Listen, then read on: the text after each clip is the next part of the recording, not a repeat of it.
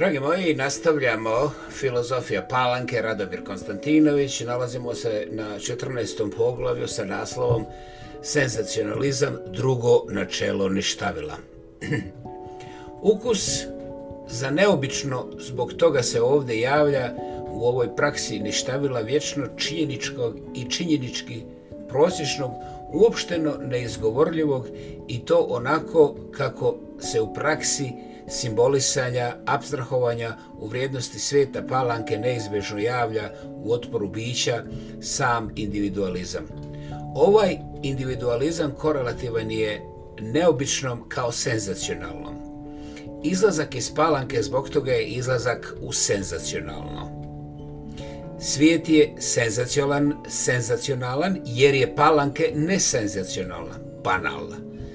Duh je senzacionalan jer je palanka bala, banalna, oprostite. Između duha u praksi kulture, muzike, ljubavi i običnosti koja je svakodnevno banalna, nema nikakve sličnosti, ali što je još važnije, nema nikakvog odnosa, savršeno nikakve suradnje, onako kao što između uobičajenosti palanke i neuobičajenosti svijeta ne postoji nikakav prisniji odnos u duhu palanke. Muzika nije transcendencija čutanja kao što ni čutanje nije transcendentalna muzika. Duh nije svet u svom neprestanom preobražavanju.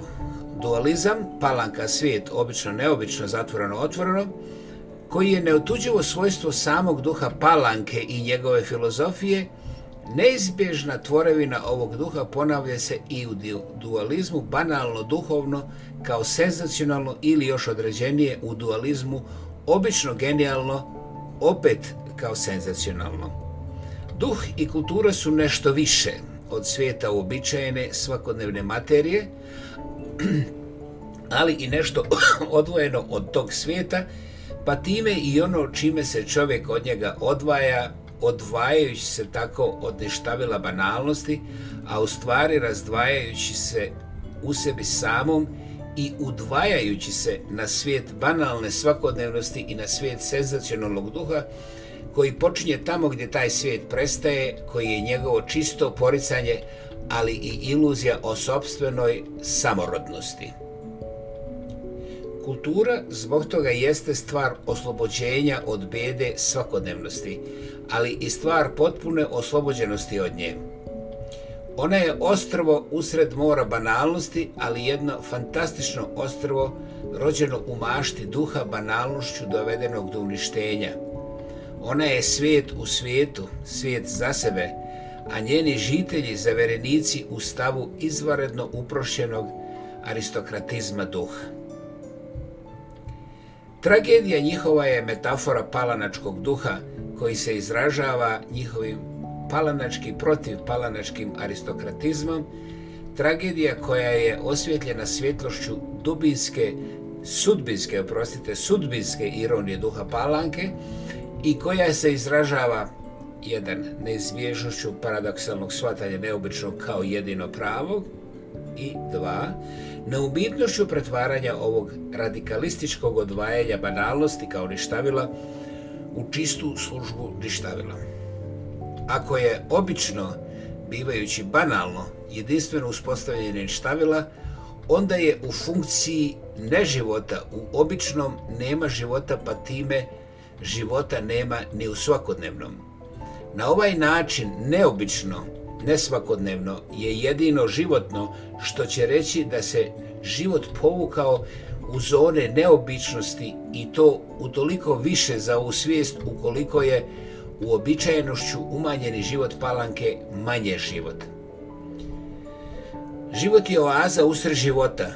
Život je izuzetan fenomen i do njega se dolazi samo izuzimanjem i to ne izuzimanjem kao životvornim procesom koji opšte uobičajeno poznato i neuobičajeno nepoznato, kao smrt poznatog i život nepoznatog, koje se otima od tog poznatog, nego jednom izuzetnošću koja je a priorna onako kako je u duhu palanke uobičajenost a priorna. Ovim ne samo što se ponavlja individualizam kao kob uobičajenosti, stroge normativnosti kolektizovanog svijeta, već se on dovodi do same svoje nemogućnosti, pa čak se i vraća ništavilu banalnog. Ako je bala, banalnost svevlasno običnog ništavilo apsolutno usvojenog, konvencionalizovano mrtvog života, ova neobičnost u svom radikalizmu, u svom raskidanju svake veze sa svakodnevno uobičajenjem, banalnim, radikalnost raskida i sa samom egzistencijom koja nije data, već je osvajanje egzistencije, preobražavanjem neegzistencijalnog u egzistencijalno, čutanja u muziku nepokreta u pokret. Ona gubi šansu života kao neprestane dinamike preobražavanja i ona gubi bijedu ništavila kao jedinstveno nezamjenjivi izvor bića, kao njegovo negativno nadahnuće i tvorački antietičku silu. Fetišizam stvari duha, kulture, zbog toga pripada duhu palanke, isto koliko i nihilističko odbijanje, nihilistički prezir kulture u ime stvarnosti, u ime realizma, duha koji se žrtvuje toj stvarnosti.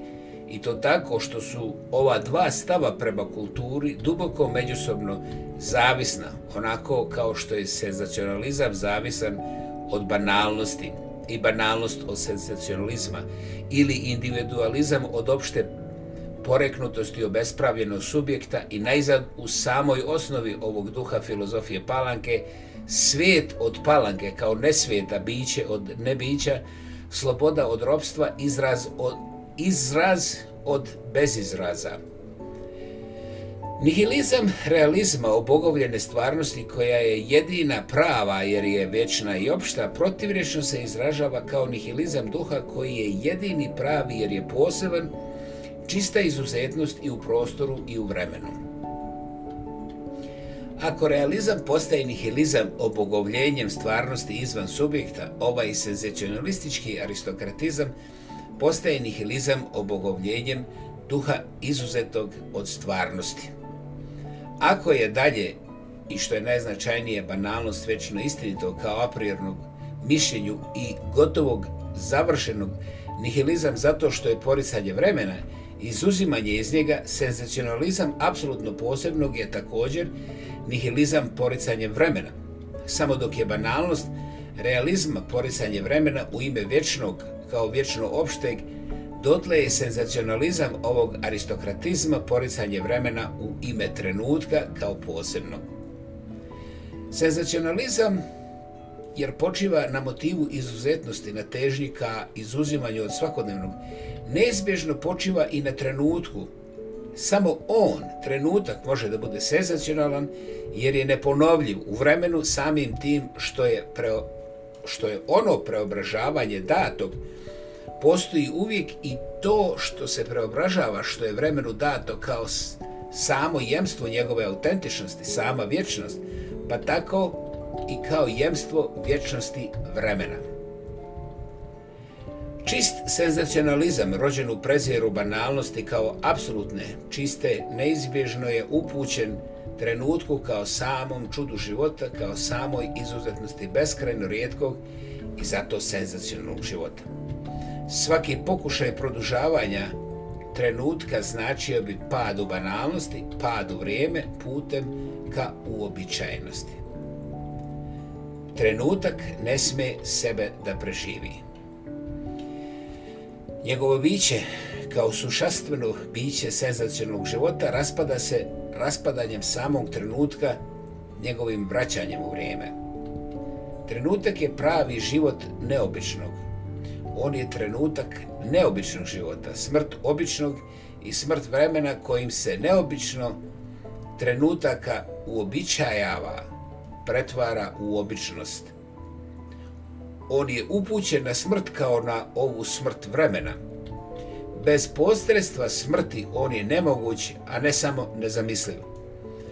Ovoj upućenosti senzacionalizma na smrt kroz prinudu trenutka na smrt odgovara upućenost realizma na smrt kroz prinudu pojedinačno izuzetog i trenutnog u odnosu na večno stvarno da sebe žrtvuje, da umre, da bi umiranje postalo stvarno.